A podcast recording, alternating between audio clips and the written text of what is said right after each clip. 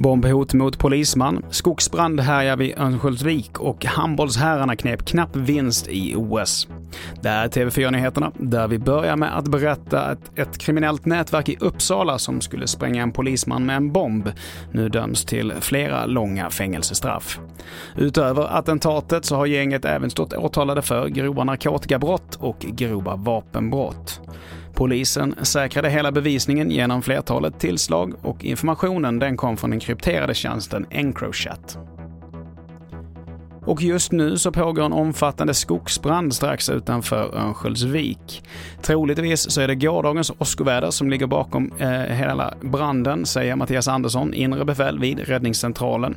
Och i nuläget så har ingen kommit till skada, men det är väldigt stor risk att elden sprider sig. Och idag så kom domen för de inblandade i upploppet i Hjällbo i slutet av maj i Göteborg. Elva stycken män döms samtliga till fängelse på mellan två till fyra månader.